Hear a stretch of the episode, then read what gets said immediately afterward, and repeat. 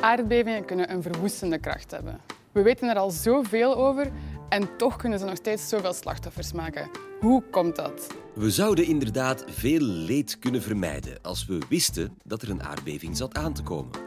Geoloog Kathleen Wils vertelt je graag wat een aardbeving precies is en of er zoiets bestaat als een geologische kristallen bol.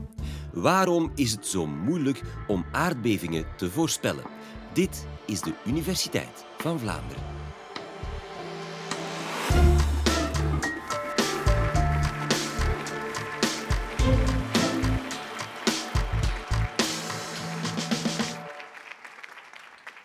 Wie van jullie heeft er al eens een aardbeving meegemaakt?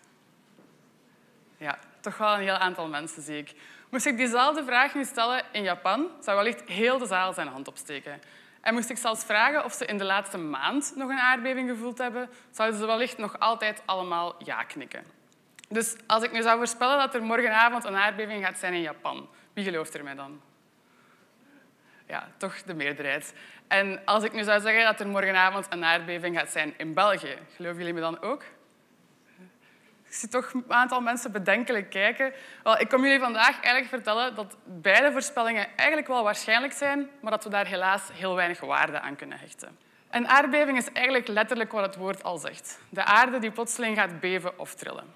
En om te begrijpen waar en waarom dat, dat gebeurt, moeten we eens gaan kijken naar de structuur van de aarde.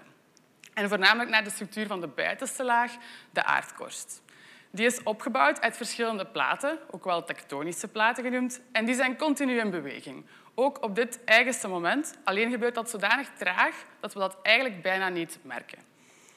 Die beweging kan zowel naar elkaar toe zijn, als van elkaar weg, als parallel ten opzichte van elkaar, of alles daartussenin.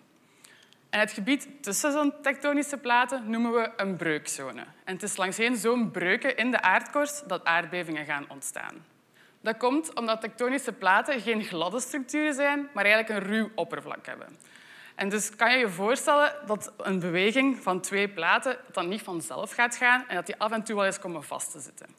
Je kan dat eigenlijk vergelijken met een deur openen en die plotseling over een steentje terechtkomt. Op het moment dat dat op dat steentje vastzit, ga je de extra kracht moeten uitoefenen om ervoor te zorgen dat die deur toch verder open gaat. Hetzelfde geldt voor onze tektonische platen. Op het moment dat die vast komen te zitten, moet er een extra kracht uitgeoefend worden om toch te zorgen dat die weer verder kunnen bewegen. En die kracht wordt geleverd door de tektonische platen zelf. Aangezien die continu in beweging willen blijven, gaan die eigenlijk een druk uitoefenen op onze blokkade, waardoor dat er spanning wordt opgebouwd die op een gegeven moment zodanig groot gaat zijn dat ze die blokkade kunnen overwinnen, waardoor die tektonische platen plotseling gaan doorschuiven, net zoals ook je deur op het steentje ineens toch gaat openschieten. Tijdens die plotselinge beweging gaat er dan alle energie dan vrijgegeven worden in de vorm van trillingen die zich gaan verplaatsen doorheen de aarde en waardoor wij dus een aardbeving gaan registreren. Nu we weten hoe een aardbeving ontstaat, kan je wellicht ook voorstellen dat de zwaarste aardbevingen eerder gaan voorkomen waar twee tektonische platen naar elkaar toe bewegen in plaats van van elkaar weg. Waar zo'n twee tektonische platen naar elkaar toe bewegen, kan je ofwel een complete botsing krijgen en dan krijg je de vorming van een gebergte, zoals bijvoorbeeld in de Himalaya het geval is. Maar een van de twee platen kan ook onder de andere doorschuiven en dan krijgen we de vorming van een subductiezone. Het gebied rondom de Stille Oceaan is eigenlijk gekenmerkt door één lange aaneenschakeling van subductiezones. En het wordt ook wel eens de Ring of Fire genoemd. Dit is het gebied waar de meeste en de zwaarste aardbevingen ter wereld gaan voorkomen. De zwaarste aardbeving aller tijden was in 1960 in het zuiden van Chili met een magnitude of een grootte van 9,5. Dat getal zegt jullie nu waarschijnlijk nog weinig, maar dat gaat hopelijk straks allemaal duidelijk worden. Ook recenter waren er nog zwaardere aardbevingen langs de Ring of Fire. Zo gaan de meesten onder jullie wellicht nog de aardbeving in 2011 herinneren in Japan met een magnitude van 9,1, waarbij de kerncentrale in Fukushima verwoest werd door de bijhorende tsunami. Dat verklaart onmiddellijk ook waarom mijn voorspelling voor Japan typisch als waarschijnlijker wordt ervaren dan die voor België. In tegenstelling tot Japan ligt België namelijk helemaal niet langs een plaatrand of langs een subductiezone, maar midden op een tektonische plaat. Wil dat dan zeggen dat we in België helemaal geen aardbevingen kunnen hebben? Nee, helaas niet. Er zijn namelijk ook breuken mogelijk midden in een tektonische plaat. En die zijn dan weliswaar, zorgen dan weliswaar voor kleinere aardbevingen, Maar ook hier kunnen er dus effectief aardbevingen ontstaan. Recent werd in Europa voornamelijk Italië getroffen door een reeks zware aardbevingen in 2009 en in 2016 met een magnitude van ongeveer 6. Dus dat is een stuk lager dan die magnitudes 9 en meer, zoals we die langs de Ring of Fire kennen. Maar toch was de schade nog steeds aanzienlijk in de getroffen gebieden en vandaag de dag nog steeds duidelijk zichtbaar. Ik heb nu een aantal keer het woord magnitude laten vallen. Magnitude is eigenlijk de manier waarop we de grootte van een aardbeving gaan uh, weergeven. En daar bestaan verschillende schalen voor. En de meeste onder jullie zullen wel al eens gehoord hebben van de schaal van Richter.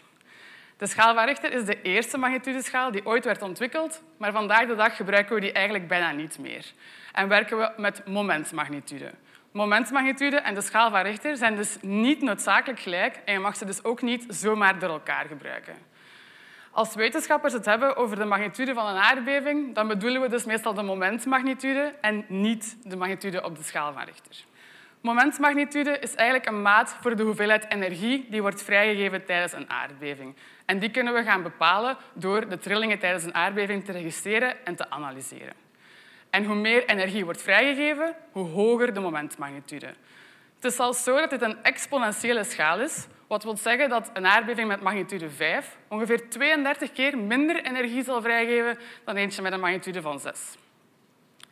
Stel je even voor dat de energie die vrijkomt bij een aardbeving met magnitude 5 overeenkomt met de energie die ik nodig heb om één ongekookte spaghetti-sliert in twee te breken. Gemakkelijk. Als we dan een aardbeving hebben met een magnitude 6, zoals die recent in Italië, dan zouden we al 32 spaghetti-slierten moeten breken. Dat zou ook nog net lukken. Als we dan gaan kijken naar aardbeving magnitude 7, dan zouden we deze 1000 spaghetti-slierten al moeten breken. En voor eentje met magnitudes van 9 en meer, zoals langs de Ring of Fire, zouden we al 1 miljoen spaghetti-slierten moeten breken. Je ziet, de hoeveelheid energie die vrijkomt bij een aardbeving met magnitude 6 of 7 of 8 is een gigantisch verschil. En toch kan de schade bij een aardbeving met een magnitude van 6 even groot of zelfs groter zijn dan eentje met een magnitude van 7 of 8.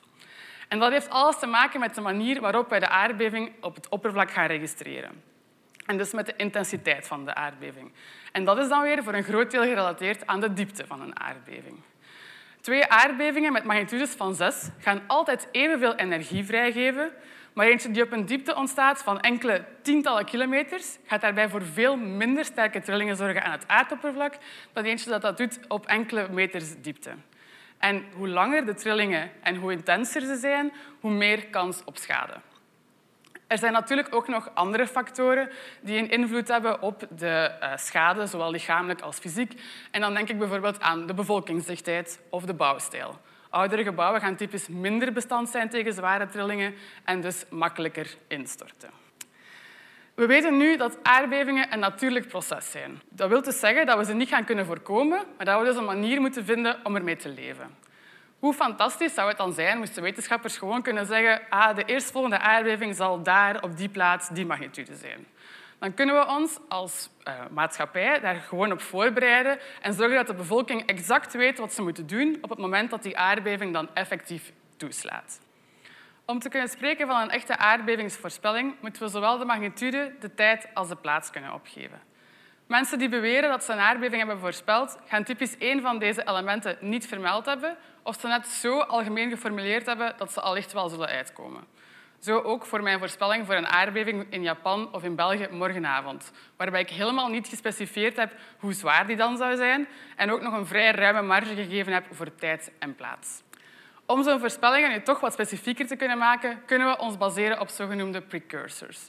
Precursors zijn voorlopers van aardbevingen die kunnen wijzen op een zware aardbeving in de nabije toekomst. Een voorbeeld van een precursor is bijvoorbeeld een kleine aardbeving.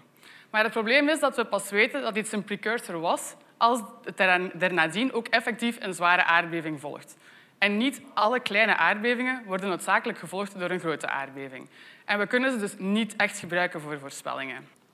Een ander probleem met precursors is dat ze vaak niet echt wetenschappelijk onderbouwd zijn of voldoende onderzocht. En dan denk ik bijvoorbeeld aan de verhalen van mensen die uh, gedragsveranderingen van dieren gezien hebben. Zo zijn er mensen die beweren dat hun honden zijn beginnen blaffen seconden voordat de aardbeving toeslaagt, of uh, een kippen die al een paar dagen op voorhand zijn gestopt met eieren leggen. Dat zijn twee gebeurtenissen die ook een totaal andere oorzaak kunnen hebben en een heel gebied gaan evacueren omdat een paar honden beslissen om te beginnen blaffen, zal wellicht vaker nutteloos zijn dan nuttig. Wat je ook niet mag verwarren is precursors en early warnings. Een early warning is eigenlijk een waarschuwing die wordt uitgestuurd naar de bevolking wanneer er een aardbeving geregistreerd wordt in de nabijheid van die persoon. Het grote verschil met een precursor is dus dat bij een early warning de aardbeving eigenlijk al heeft plaatsgevonden, maar dat ze ook geregistreerd werd, maar dat de trillingen die ontstaan zijn gewoon nog niet zijn aangekomen op de plaats van de persoon die de waarschuwing ontvangt. De tijd tussen het ontvangen van de waarschuwing en de start van de trillingen is vaak slechts enkele seconden, maar dat kan net genoeg tijd zijn om jezelf in veiligheid te brengen of om bijvoorbeeld een hoge snelheidstrein eh, stil te leggen door middel van een noodstop. Maar om ons echt goed te kunnen voorbereiden, hebben we natuurlijk meer tijd nodig dan enkele seconden. En dan hebben we bijvoorbeeld nood aan lange termijnsvoorspellingen. En op die manier zouden we dan kunnen rekening houden met de bouwstijl en er dus voor zorgen dat gebouwen, zoals ziekenhuizen en bruggen, niet onmiddellijk gaan instorten bij de eerstvolgende schok. En om dat te kunnen doen, moeten we eigenlijk voornamelijk weten hoe, hoe zwaar een aardbeving kan zijn in een bepaald gebied, maar ook hoe vaak ze kunnen voorkomen. Als we op wereldwijde schaal gaan kijken, dan zien we dat er eigenlijk dagelijks aardbevingen zijn. Aardbevingen magnitudes van 2 of minder komen verschillende honderden keren per dag voor, maar gaan eigenlijk in de meeste gevallen volledig onopgemerkt voorbij. Vandaar dus dat mijn voorspelling voor een aardbeving in Japan of België eigenlijk in beide gevallen wel waarschijnlijk is, want ik heb helemaal niet gezegd welke magnitude dat zou hebben. Maar de aardbevingen waarin we echt geïnteresseerd zijn, zijn natuurlijk degenen waardoor we schade kunnen ondervinden. En die hebben typisch hogere magnitudes. En hoe hoger de magnitude, hoe minder vaak ze zullen voorkomen. Als we bijvoorbeeld kijken naar een aardbeving met magnitude 8, die komt gemiddeld wereldwijd één keer per jaar voor. Als we dan ook nog eens gaan kijken naar een bepaald gebied, dan is dat natuurlijk nog een stuk minder vaak. En de enige manier om te weten exact hoe vaak is door te kijken naar het verleden. Hiervoor kunnen we ons bijvoorbeeld baseren op historische documenten. Die kunnen ons vertellen dat er bijvoorbeeld ook in België wel eens zware aardbevingen voorkomen. In 1692 was er bijvoorbeeld een aardbeving in Verviers met een magnitude van ongeveer 6, die aanzienlijke schade heeft aangericht en ook over heel België gevoeld werd. Dat is natuurlijk al meer dan 300 jaar geleden. En als we willen weten of we ons in de nabije toekomst aan iets gelijkaardigs kunnen verwachten, moeten we op zijn minst ook weten wat de voorlaatste, wanneer de voorlaatste zware aardbeving was. En hoe verder dat we teruggaan in de tijd, hoe minder historische documenten dat er zijn. En dan zijn we dus aangewezen op iets anders, en dat is geologisch onderzoek. Bij zo'n geologisch onderzoek gaan we eigenlijk gaan kijken naar de ondergrond. En dat kan op verschillende manieren. En één manier is door middel van trenching. Bij trenching gaan we eigenlijk een greppel graven op een plaats waar een aardbeving kan voorkomen. Dus waar een breuk tot aan het aardoppervlak reikt. Door dan die greppel te graven, kunnen we eigenlijk een doorsnede zien door de ondergrond en kunnen we die breuk daarin zien zitten. Als die breuk dan in het verleden actief geweest is, dus een aardbeving veroorzaakt heeft, dan gaan we zien dat de geologische lagen niet mooi doorlopen aan weerszijden van de breuk, maar eigenlijk gaan verschoven zijn. De grootte van die verschuiving is dan ook een maat voor de grootte, of dus de magnitude van de aardbeving. En om nu te weten hoe lang die aardbeving geleden is, moeten we weten hoe oud de oudste sedimenten zijn die net niet verschoven zijn door die breuk. Nu, die trenching is een fantastische techniek als die breuk effectief door het land loopt. Maar in het geval van subductiezones zit de breuk meters tot kilometers onder de oceaan. En het is natuurlijk praktisch gezien onmogelijk om daar effectief ook een greppel te gaan graven. Daarom zijn er ook methodes die zich niet per se baseren op effectief de breuk bestuderen, maar eerder naar het zoeken naar sedimentaire pakketten, dus pakketten van zand of klei, die ons kunnen aantonen dat de aarde op die locatie gebeefd heeft. Een typisch voorbeeld daarvan is bijvoorbeeld een aardverschuiving. Als er tijdens een aardbeving een aardverschuiving gebeurt, gaat het een rommelige mengeling van materiaal accumuleren of afgezet worden aan de voet van een helling. Als dat op het land gebeurt, gaan die sporen typisch heel snel verdwijnen. Het zij bijvoorbeeld door mensen die het gaan opruimen of door erosie. Maar als die aard, aardverschuiving op de bodem van een meer of een oceaan terechtkomt, gaan die typisch wel heel lang bewaard blijven, tot wel tienduizenden jaren lang. Om nu die sporen van aardbevingen in een meer of in een oceaan te gaan terugvinden, kunnen we bijvoorbeeld gebruik maken van sedimentkernen. Sedimentkernen dat zijn plastic cilindervormige buizen, zoals deze, die we naar de bodem van, de, van het meer of de oceaan die we willen bestuderen laten vallen en die, wanneer ze gevuld is, die we terug naar boven halen. En de sedimenten die er in een meer of een oceaan zitten, zien er ongeveer zo uit. Mooi gelaagde uh, accumulaties van materiaal. Als die kern dan boven komt, gaan we die afsluiten. En we gaan die overlangs in twee snijden om te kunnen zien wat er daar van binnenin zit. En als het gebied dat we bestuderen dan ook effectief getroffen geweest is door een aardbeving, dan gaan we die aardbevingsafzettingen daar mooi in kunnen terugvinden. Zo ook bijvoorbeeld in, in, uh, in deze sedimentkern, waar je de aardbevingsafzetting hier in het midden ziet zitten, mooi tussen de gelaagde sedimenten die aanwezig zijn in het meer. Deze kern is genomen in het Kenai-meer in Alaska. En ook hier kunnen we achterhalen hoe oud exact deze afzetting is.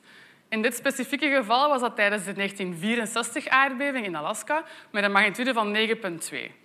Want ook over de magnitude kunnen we iets weten met behulp van die sedimentkernen. Als we er meerdere gaan combineren over een groot gebied, kunnen we iets afleiden over het gebied dat getroffen werd door de aardbeving en dus logischerwijs ook over de grootte van de aardbeving. Als we nu al deze informatie gaan combineren, kunnen we dus de volledige aardbevingsgeschiedenis van een bepaald gebied gaan reconstrueren. En dan zouden we in principe voorspellingen kunnen doen over wat er in de toekomst te wachten staat. Als we er natuurlijk van uitgaan dat aardbevingen steeds op regelmatige basis voorkomen. Maar laat die regelmaat en het herkennen van patronen nu net een van de grootste problemen zijn bij het voorspellen van aardbevingen. Uit ons geologisch onderzoek zien we namelijk dat er heel wat variatie zit tussen opeenvolgende aardbevingen. De ene keer zit er 250 jaar tussen opeenvolgende zware aardbevingen, de andere keer maar 100 jaar. En ook die zware aardbevingen zijn niet altijd even zwaar. Dus het is heel moeilijk voor ons om te zeggen wat er in de komende jaren kan gebeuren of wanneer exact dat de volgende aardbeving zal plaatsvinden. Het enige wat we kunnen is de kans bepalen op een aardbeving binnen een bepaalde tijdspanne in een bepaald gebied. Dus kunnen we aardbevingen voorspellen? Nee, helaas niet. Ehm, met onze huidige kennis kunnen we niet zeggen welke dag, in welke maand of zelfs in welk jaar uh, een aardbeving in een bepaald gebied zal plaatsvinden. Laat staan dat we kunnen zeggen welke magnitude die dan zal hebben. En de vraag is of we dat ooit echt gaan kunnen. Het ultieme doel van aardbevingsgeologen blijft dus om de aardbevingsgeschiedenis van een bepaald gebied zo goed mogelijk te begrijpen, zodat we de kans op een aardbeving van een bepaalde magnitude in een bepaalde tijdspanne in een bepaald gebied zo goed en zo realistisch mogelijk kunnen inschatten. Op die manier kunnen we ons als maatschappij dan zo goed mogelijk proberen voorbereiden en zoveel mogelijk schade en leed proberen te beperken. Dankjewel, Kathleen Wils. Om aardbevingen toch een beetje te kunnen voorspellen, moeten we dus ook vaak erg diep duiken. In aflevering 359 van deze podcast legde David van Rooij ons al eens uit hoe we naar het diepste punt van de oceaan kunnen gaan en die trip bovendien ook nog eens kunnen overleven. Ik ben alvast benieuwd. Ik zie je daar of een andere keer. Tot dan.